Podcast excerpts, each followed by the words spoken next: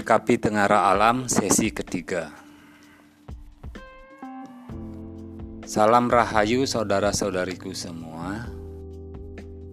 Semoga kita senantiasa dalam lindungan Tuhan yang Maha Kuasa. Sekarang kita lanjutkan bahasan kita tentang menyikapi Tengara Alam untuk sesi yang ketiga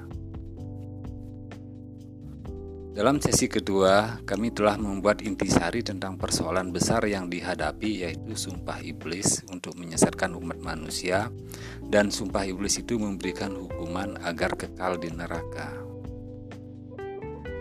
Dalam sesi ketiga, kita akan mengulas perihal pertolongan Tuhan. Namun demikian, sebelum kita mengulas pertolongan Tuhan, apa yang kebanyakan orang pikirkan tentang pertolongan Tuhan itu? Semua orang percaya bahwa pertolongan adalah sebuah tindakan atau kejadian yang memperbaiki keadaan atau bermanfaat bagi kehidupan mereka. Dan lazimnya, pertolongan Tuhan dikaitkan dengan persoalan pribadi. Sebagai contoh, seseorang yang sedang sakit kritis dan harapan hidupnya sudah sangat kecil dan mendapatkan keajaiban kesembuhan, maka pada kondisi ini dia yakin bahwa keajaiban itu adalah sebuah pertolongan Tuhan. Begitu juga seseorang yang sedang menghadapi kasus hukum yang berat, secara tiba-tiba kasus yang menimpanya banyak mendapatkan keringanan hukuman. Maka dalam kondisi ini pun mereka percaya tentang pertolongan Tuhan. Begitu juga orang yang kesulitan jodoh, kesulitan ekonomi, dan secara tiba-tiba mereka menemukan solusi bagi persoalan yang dihadapinya. Dan di sini mereka juga percaya pada pertolongan Tuhan. Kasus-kasus ini sesungguhnya bersifat personal dan hal ini pun adalah salah satu bentuk pertolongan Tuhan. Dalam sesi ini, kita tidak mengulas persoalan personal, melainkan persoalan global yang menimpa banyak orang baik mereka sadar sedang terbelenggu dalam masalah ataupun tidak sadar. Dan manakala iblis telah mengambil sumpah untuk menyesatkan umat manusia, maka banyak di antara mereka yang tidak sadar bahwa hidup mereka sedang menghadapi masalah besar. Dan bagaimana kita dapat memahami tentang persoalan besar yang sedang dihadapi, kemudian turunnya pertolongan Tuhan adalah dengan melakukan pengkajian pengumpulan data, baik melalui pengamatan pada fenomena alam, mendengarkan intuisi kita, mengkaji dari kitab suci, sehingga kita dapat lebih jelas tentang apa yang sedang terjadi, kemudian bagaimana menyikapinya agar kita dapat selamat untuk mencapai tujuan kehidupan kita. Hal inilah yang akan kita ulas dalam sesi ini. Bagaimana mengenali masalah Sebenarnya tidak sulit bagi kita untuk mengumpulkan informasi, sebab sudah banyak yang mengulas tengara alam. Banyak spiritualis yang mengulas perihal berbagai bencana alam yang sedang menimpa kehidupan kita. Hal ini dapat kita unduh dari blog internet, dari YouTube, dari media sosial seperti Facebook, ada juga dari kitab-kitab suci sebagai sumber informasi bagi kita. Namun demikian, setiap orang yang mengulas akan memberikan sudut pandang yang berbeda antara yang satu dengan yang lainnya. Hal ini wajar karena wawasan kita dan tujuan kita. Maka di sinilah sesungguhnya diperlukan pemimpin yang mengelola informasi dan mengarahkan diskusi untuk mendapatkan suatu solusi yang tepat dan bijaksana. Namun rupanya mendapatkan sosok pemimpin yang dapat mempersatukan pandangan ini pun menjadi hal yang sangat sulit. Mengapa? Karena masing-masing pengulas terbelenggu oleh kepentingan dan wawasannya. Bukan hanya Anda atau mereka, bahwa saya pun terbelenggu oleh kepentingan dan terbatas oleh wawasan, sehingga sulit juga untuk memimpin penyatuan pendapat ini. Hal ini saya sadari sebagai sesuatu ya hal yang wajar karena keterbatasan pikiran kita.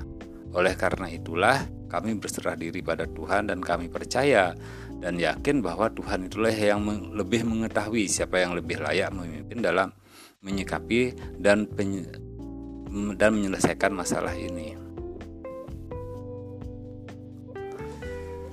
Walaupun kemampuan kami sangat terbatas, sangat kecil hal yang dapat kami kontribusikan, namun demikian besar harapan kami bahwa sekecil apa pun kontribusi itu semoga dapat memberikan manfaat positif bagi kita semua. Hal apa yang dapat dikontribusikan? Manakala kita membahas perihal petunjuk Tuhan, tentu juga diperlukan suatu klarifikasi, verifikasi, dan konfirmasi yang dapat diakses atau dinilai adalah itu benar berasal dari kehendak Tuhan, bukan mengada-ada atau melakukan rekayasa. Tentu asesmen ini sangat perlu kami sampaikan dengan jelas. Sebelum mengulas tentang asesmen, ada baiknya kita mengulas tentang fungsi kita sebagai fungsi kita sehingga kita dapat memahami uraian tugas dan kewenangan kita, ruang lingkupnya serta batasan yang diberikan laksana pepohonan maka kita dapat menghasilkan buah sesuai dengan jenis kita seperti pohon mangga yang menghasilkan buah mangga dan jangan diharapkan untuk menghasilkan buah durian maksudnya kita perlu menyatakan kompetensi kita, fungsi kita, dan batasan. Hanya namun tidak berlebihan sehingga tidak menimbulkan kerancuan. Baiklah, channel podcast ini kami beri nama dengan Medicine Man. Nama ini kami ambil dari kartu oracle yang berisikan simbol tentang seorang penyembuh dengan simbol rusa jantan di depannya. Sementara itu dalam kitab suci kita perlu pahami bahwa Tuhan tiada segan menurunkan perumpamaan baik berupa nyamuk atau yang lebih rendah dari itu.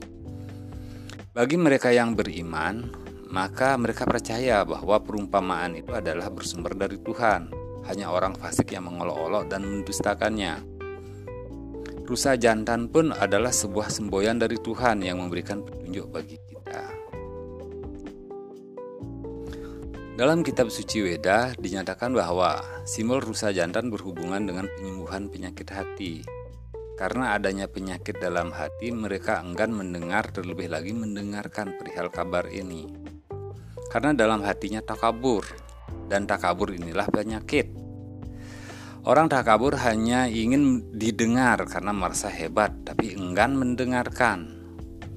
Dalam kitab suci lainnya ada hubungan antara simbol rusa jantan dengan anak domba sebagai pembuka penyumbat telinga mereka.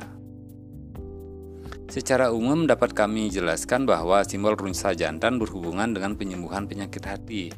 Hal yang sama dengan simbol dalam kartu oracle tentang medicine man itu.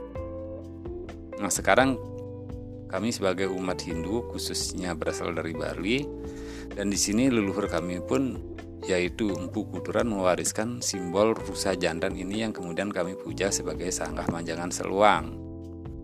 Tentu hal ini merupakan simbol yang sangat berharga bagi kami dan merupakan anugerah dari Tuhan yang Maha Kuasa. Maka di sinilah kami menyatakan tentang suatu kompetensi yang dapat kami kontribusikan yaitu berhubungan dengan penyembuhan penyakit hati dan juga mengenai ruang lingkup serta batasannya. Dan bagaimana melakukan proses verifikasi dan konfirmasi perihal ini tentu dapat dikaji dari simbol itu dan juga uji kompetensi personal yang relevan tentang penyembuhan ini. Nah, hal inilah yang dapat kami kontribusikan walaupun kecil dan terbatas pada penyembuhan penyakit hati, namun demikian besar harapan kami bahwa hal ini akan dapat memberikan manfaat positif bagi kita semua persoalan awal, kita kembali lagi pada persoalan yang kami sampaikan di awal sesi ini, yaitu berhubungan dengan sumpah iblis yang menyesatkan umat manusia. Apa dampak dari sumpah iblis itu? Adalah rasa sakit hati dan kecewa bagi manusia. Maka rasa sakit hati dan kecewa inilah yang sangat perlu disembuhkan sebelum kita membahas tentang peradaban baru. Bagaimana kita dapat mengulas peradaban baru kalau peradaban lama ini masih membelenggu dan menyebabkan sakit hati pada diri kita? Maka di sinilah perlunya proses penyembuhan. Maka setelah sembuh dari luka batin baru kita melangkah lebih lanjut untuk mewujudkan cita-cita luhur Nusantara, tentang Nusantara menjadi mercusuar dunia. Apa persoalan sulit manusia? Menjaga rasa hati. Inilah persoalan sulit manusia. Terlalu rendah hati akan diinjak-injak orang lain. Tinggi hati adalah takabur merupakan sumber kehancuran. Maka menjaga perasaan atau suasana hati agar tidak terlalu rendah dan tinggi hati itu di sinilah diperlukan latihan. Banyak orang yang takabur bahkan merasa lebih hebat dari Tuhan penciptanya. Padahal di sinilah sesungguhnya kita harus sadar diri bahwa kemampuan kita sangat terbatas. Banyak pengetahuan yang tidak kita ketahui, tetapi Tuhan mengetahuinya. Seringkali kita menolak pendapat orang lain karena bukan berasal dari kaum kita, atau menolak pendapat mereka karena kita menganggapnya sebagai sebuah pendapat yang tidak masuk akal, pendapat yang tidak logis, padahal pendapat itu benar adanya. Seseorang yang menolak pendapat orang lain sebelum mendengarkan penjelasannya, bagaimana ia menjadi tahu tentang bagaimana solusinya. Maka di sinilah dibutuhkan kesabaran, kemauan untuk mengumpulkan data, melakukan evaluasi, analisa, serta hal lainnya. Baru kemudian memberikan tanggapan. Kita diberikan sepasang mata agar kita mengamati lebih banyak diberikan sepasang telinga agar mendengarkan lebih banyak dan baru sebuah mulut.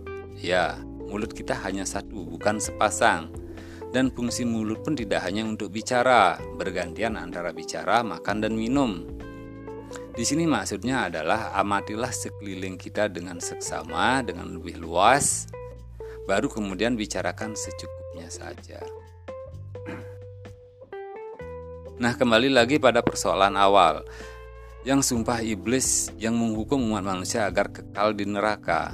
Kekal abadi artinya bahwa dia akan mengalami penderitaan yang tiada terbatas waktu. Apakah ini menyenangkan? Tentu saja tidak. Bagaimana orang berkata akan indah pada waktunya? Nah, maksud saya bukan bagaimana. Banyak orang berkata akan indah pada waktunya, akan indah sekali pada waktunya. Nah, mereka banyak berkata seperti itu. Akan tetapi, kapankah waktu indah itu? Apakah kapan-kapan saja? Tentu tidak seperti itu. Sehingga kompetensi apa yang diperlukan untuk membebaskan kehidupan ini dari belenggu sumpah kekal kekekalan di neraka? Adalah kemampuan menghadapi dan menyikapi sang waktu. Semua kita secara logika akan berpendapat berpandangan bahwa sang waktu adalah bersifat kekal abadi. Waktu satu detik adalah sama untuk satu detik di mana saja. Waktu satu hari pun sama. Lalu bagaimana membebaskan seseorang dari kekekalan di neraka? Saya berikan contoh nyata.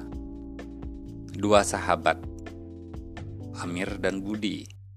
Di mana Amir lahir pada 1 Januari tahun 2000 dan Budi lahir tanggal 2 Januari tahun 2000 juga. Sehingga kita mengatakan bahwa Amir lebih tua satu hari terhadap Budi. Dan apakah kita berpikir bahwa Amir akan selalu lebih tua satu hari sepanjang hidupnya? Jika demikian Anda akan gagal terlepas dari belenggu hukum keabadian di neraka karena belum mampu mengalahkan sang waktu.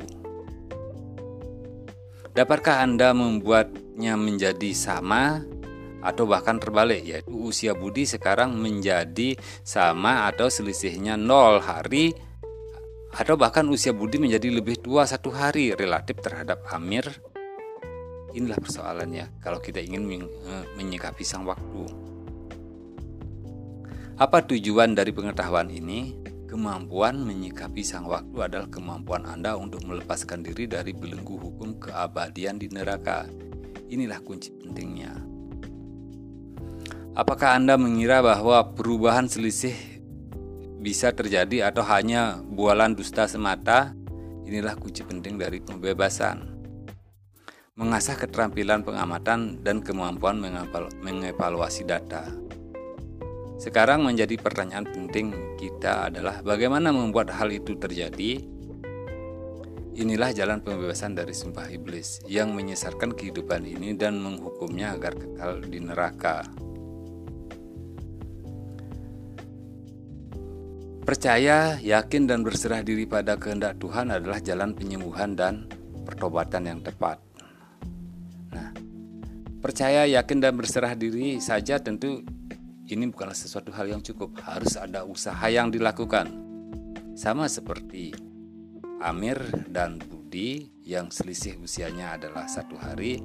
Sekarang bagaimana membuat usianya bisa sama? Tentu percaya dan yakin saja tidak akan menghasilkan usia yang sama, melainkan harus dilakukan suatu usaha. Nah, bagaimana melakukan usaha uh, itu?